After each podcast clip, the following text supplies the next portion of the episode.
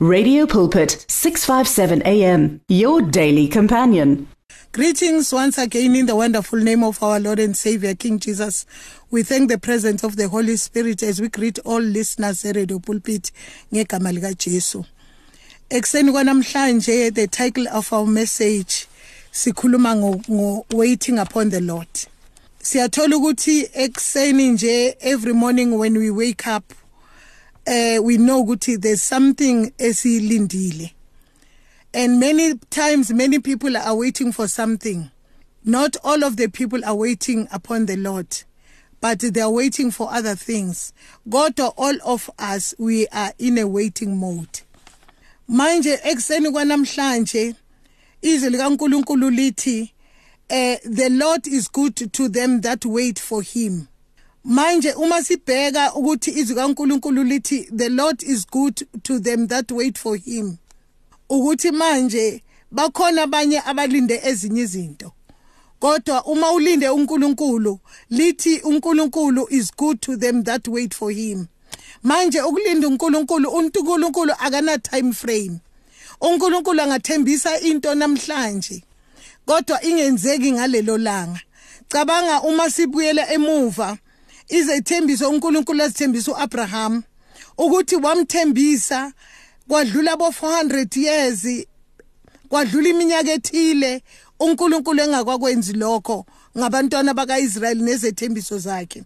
uNkulunkulu wathembisa uAbraham ngomntwana uma sibheka ukuthi ebeneminyaka yobo 75 waze wayomthola sekunini seke nabo 99 ngani? Ngoba uNkulunkulu akana time frame. uNkulunkulu uhlala outside the time. Akahindara isikhathi akahindara ukuthi manje isikhathi sesithile ngoba nezwi lakhe lithi a day to God is like a thousand years and a thousand years is like a day. uNkulunkulu uma efuna ukwenza into angayenza at any time. Ngani? Ngoba uNkulunkulu uphila outside the time. I remember ngisakhuluma ngalokho ukuthi manje kwakukhona imbalela kwaIsrael makhona imbalela kaIsrayeli lithi izwi kaNkuluNkulu uNkulunkulu wathumela uElisha ukuthi aye kuyikhomanda yenkosi yalapho. Ayitshela ukuthi yabona njengoba kunendlala namhlanje kodwa kusasa emakethe kuyobe kuthengiswa into ezithile nezithile lithi izwi kaNkuluNkulu that commander yathi ku Elisha kungenzeka kanjani lokhu? Ngoba ibheke the time ukuthi it's impossible. There's a famine. After famine kudinga ukuthi kube nemvula kube nokutshalwa and then kungoba nezinto emakethe. Siyakhumbula ukuthi uElisha wamphendula wathini? Wathi kuye kuzokwenzeka wena ngeke ukubone ene ngempela kwenzeka zangakubone ngani? Ngoba he never believed. Manje uNkulunkulu can do anything at any time. E, e, lapho thina esilindele isikhathi esithile yenenze isikhathi esithile. But izwi likaNkulunkulu lithi the Lord is good to them that wait for him. Many times we don't want to wait for God. There are times esifuna ukuzenzela izinto zethu ngendlela yethu. Njengoba noSarah wakwenza lokho uma uNkulunkulu ethembise uAbraham umntwana the very ah, asara azange akwazi ukuthi akwazi ukulinda wazama ukuthi ayiphushe indaba ukuthi umyeni wakhe abe nomntwana ethenjiswe uNkulunkulu yaphushwa uyindaba ngani ngoba engakwazi ukulinda. And manje the, the word of God ithi the Lord is good to them that wait for him. Manje uNkulunkulu in a midst our waiting kukhona izinto ekufanele ukuthi ukuma ukumela uNkulunkulu akusukuma njengomali ibhasi ebus stop uNkulunkulu in the midst of waiting there are things that you are supposed to do. In the midst of waiting we don't fold our hands. In the midst of waiting for uNkulunkulu there are things esibabhizi ngazo. Manje siyabona ukuthi uNkulunkulu unale tendency asazi ukuthi the reason yini? Mhlambe ngelinye ilanga sizoyithola uma sesifike ezulwini ukuthi why God wanted us to wait? Ngoba siyathola nabantwana bakaIsrayeli uma before beyongena eKanana sebehambile that 40 years. The bible tells us they had to wait in Gilgal. Balinda eGilgal. Never mind ukuthi they waited because bebeceda ukucircumcise but they had to wait there. Manje siyathola ukuthi ukulinda kufanele ukwazi. Sibona uDavide he teaches us uDavide we can learn into kuDavide. uDavide noma sekegcotshiwe ebukhosini wakwazi ukulinda ukuthi ayohlala kwithrone. And ekulindeni kwakhe azange alinde kamnandi. Ngoba wayihlala egijinyiswa ulo ulo Sawuli ekwakudingeka ukuthi ayo ayo ayo ayoba inkosi after yena. And azange akhathe the matters short ngoba kukhona isikhathi ebengambulala uSaul make khona. Kodwa wayechoose ukuthi angeke aphulalwe izandla zakhe kodwa uNkulunkulu ngesikhathi esifanelekile. Manje ngani ngoba wayelindile elindele ukuthi uNkulunkulu enze lokho akwenzile kuye ngoba umgcobele ukuthi abe inkosi manje many times ngibe bekuyimi nawe besizosheshe simbulala uSawuli. Ngani? Ngoba sifuna ukuyohlala kwithrone siyazi ukuthi sigcotshiwe. Manje yinto yokuthi izwi likaNkuluNkulu lithi lapha esifunde khona lithi the Lord is good to them that wait for him. He had to wait for God. Noma uNkulunkulu sekemtshelile sekemgcobile ukuthi uyohlala uyoba inkosi but he had to wait for him. Manje siyabona futhi izwi likaNkuluNkulu lapha yana kumahubo 30 eh kuverse 18 wakhona. Lithi leli lizwe yet the Lord longs to be gracious to you. He rises to show compassion. For the Lord is a is a God of justice. Blessed are all who wait for him. Lithi babusisikile abamlindele. Ah, ah, manje la sifunde khona lithi the lord is good to them that wait for him. But in this verse ithi the lord. Blessed are all those who wait for him. Whilst we are waiting for uNkulunkulu whilst i'm still waiting for uNkulunkulu we must understand that we are blessed.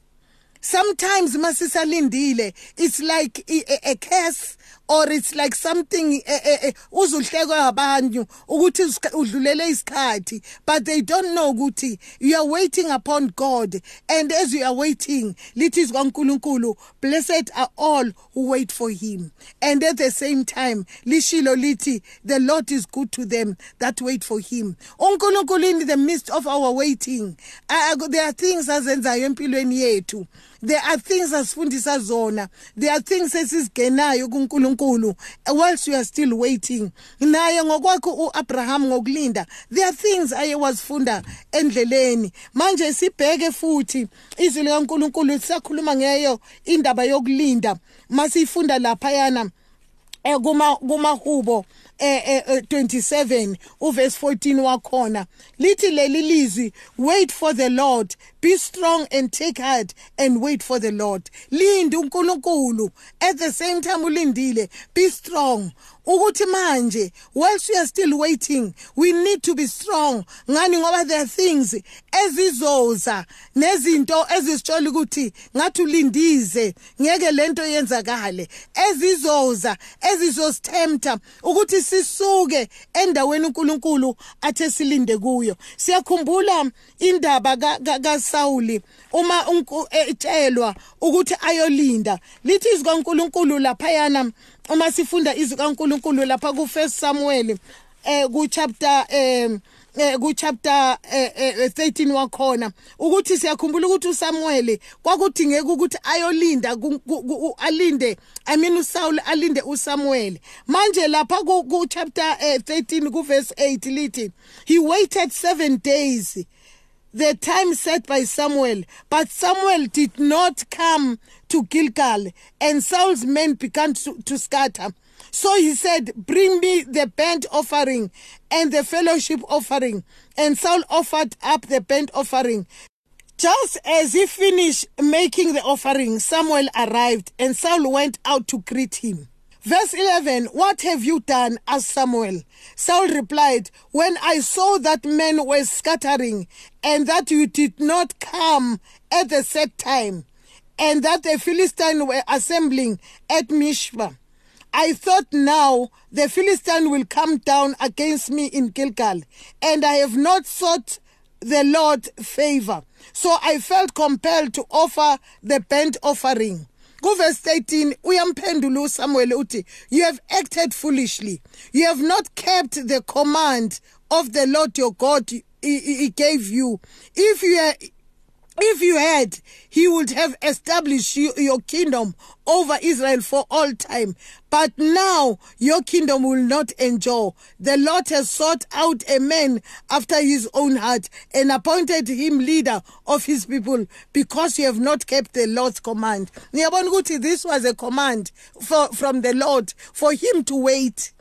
kwakufanele linde and lithi izwi kaNkuluNkulu makabona abantu besuka laba bebelinde naye beqala bedisperse behamba. Waqala manje wacabanga ngamafilistina lekude ukuthi manje azozala lamafilistina. Waqala manje watatazela waqala manje wenza izinto engafanelanga ukuthi azenze. Manje wayengalindanga icommand wayengalalelanga icommand kaNkuluNkulu yokuthi makalinde. Uthi uSamuel kuye we have done foolishly. Manje ubukhosi bakho will not be established forever. Ngani? Ngoba awulalelanga ukuthi yilinda. uNkulunkulu uthi silinde. Manje une reason uNkulunkulu why we must wait. Sometimes ekulindeni kwakho there are a lot of uh, experiences uh, ozos accumulator whilst you are waiting. uNkulunkulu there's a lot is of things asifundisa sona whilst you are waiting. Manje esikhathini esiningi asikwazi ukulinda. Sifuna izinto ezisheshayo especially these nowadays.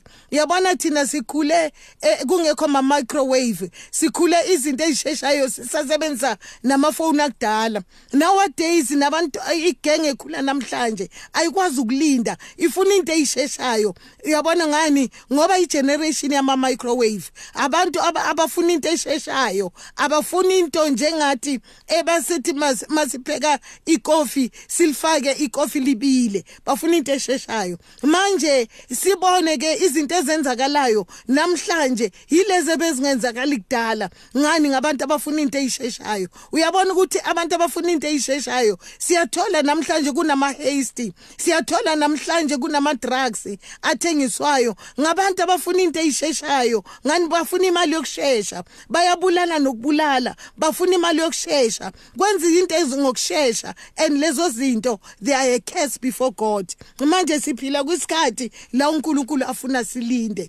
And at the same time we must not be pressurized especially young people. They must not be pressurized by their peers especially young women bangayozifaka emshadweni engekho ngenxa yokuthi abakwazi ukulinda baya pressurize izinto ezithile noma bangaze bakubiza amagama ukuthi ulifitwa linda uNkulunkulu. Makube kwenzakala uNkulunkulu will give you a right person at the right time. Sometimes we don't abantu they don't want to wait. Our young people they don't want to wait. Manje izwi kaNkulunkulu lisakhuluma ngako ukulinda siyabona lapho sifunde khona. Lithi lana wait for the lord. Lapha ku Psalm 27 ku verse 14 wait for the lord be strong and take heart and wait for the lord. We need his strength whilst you are waiting for the lord ngoba there are many of things ezisidivertayo. There's a pressure espressurizayo singakwazi ukulinda. Manje izwi kaNkuluNkulu lithi we need to wait upon the lord. Manje sisakhuluma ngendaba yokulinda. Lapha uma ikhuluma lapha kwincwadi eh ka ka kaIsaiah ku64 isakhuluma ngako ukulinda lokho. Lapha kuIsaiah 64 lithi leli lizwi. Simbonga uNkulunkulu. Lithi leli lizwi ku verse 4 wakhona. Eh lithi Since the ancient times, no one has heard, no ear has perceived, no eye has seen any God besides you who acts on behalf of those who wait for him. Hallelujah. Manje siyalizwa lithini? Lithi okusukela kudala in the ancients of time akukho ndlebe eke yezwa akukho ngqondo eke perceive akukho mehla ke abona. Lokho uNkulunkulu akwenzayo enzele abantu abamlindile. uNkulunkulu wenza great things abantu abamlindile. Uyabona kufana nesisho idiom yesizulu ethi isinamva liyebukwa isinamva lebukwa ngoba abantu abalindile abalinde isikhathi esiright. Sometimes abanye abantu bayeka nesikolo ngespeed athi ngifuna ukuyosebenza. Aqeda angasiqedi isikolo sakhe ejahela ukuyosebenza. Manje izinto uthola ukuthi omunye uyalinda ayiqede into yakhe sekeyiqedile lo sekegijime ngaphambili bese kubusiseka lo olandele emuva. Manje kubalulekile ukumlinda uNkulunkulu in everything. Ukulinda komnandi and uNkulunkulu i-time frame yakhe into ebhlunga akakutsheli ukuthi manje sekuyisikhathi esithile ngizoyenza ngesikhathi esithile. You can wait and wait and wait. Uze nge11th hour usuke. Kanti kulesikhathi into yakho seyifikile. Manje izwi likaNkulunkulu ekseni liyasikhuthaza. Lithi the lord is good to them that wait for him. To the soul that seeketh him. As we are waiting we need to seek god. Ukuthi uNkulunkulu ngenzeni manje? Ngenze kanjani manje? Whilst you are waiting into ilindile eh, ilindile. Manje lana again kuIsaiah futhi ku chapter eh, eh, 40 ku chapter 40 uverse 81 lithi leli lizwi siqale ku29 he gives strength to the weary and increases the power of the weak even youth grow tired and weary and young men stumble and fall but those who wait on the Lord will renew their strength. They will soar on wings like eagles. They will run and never grow weary. They will walk and never uh, get tired. Look at this. Little those who wait upon the Lord, they will soar up uh, with wings like a, like an eagle. Yabona eagle, there's a time mase ikufikele egugeni. Lenzani iyahamba iya under the rock.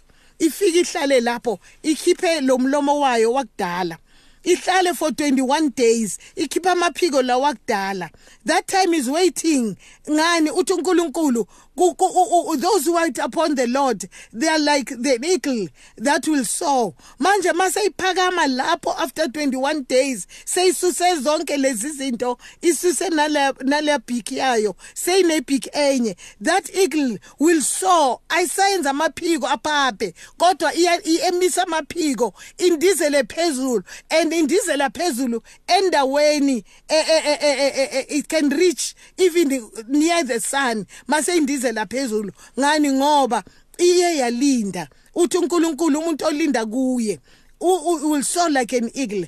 Nayo ilindile on the rock. Manje we need to ukuthi nathi silinde sisedwaleni simile kudwala elinguJesu Kristu. Manje isibusiso ukuthi uNkulunkulu ukuthembiseni and ekuthembise lokho ubona isikhathi siyahamba but ngithi kuwe namhlanje linda uNkulunkulu ngesikhathi esiright. Leyo nto isazokwenzeka ngoba uNkulunkulu umkhuba wakhe wokuthembisa into bese yenza ngesikhathi esifanelekile.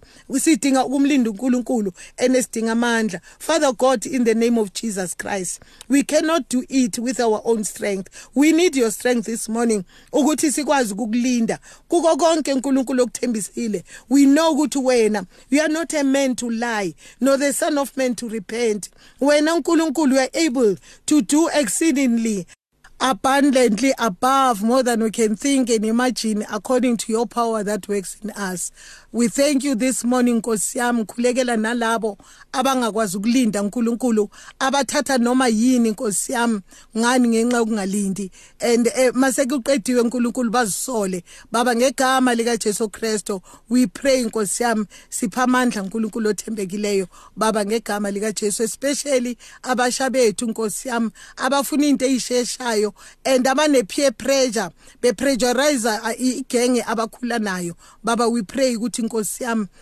othembekileyo bapha amandla okulinda. Lokho siyacela nkosi yami ngegama elihle lomfelethu nguJesu waseNazaretha. Amen. The words of the Lord are words of life. Your heart is on 657 AM 657 AM radio for believers in action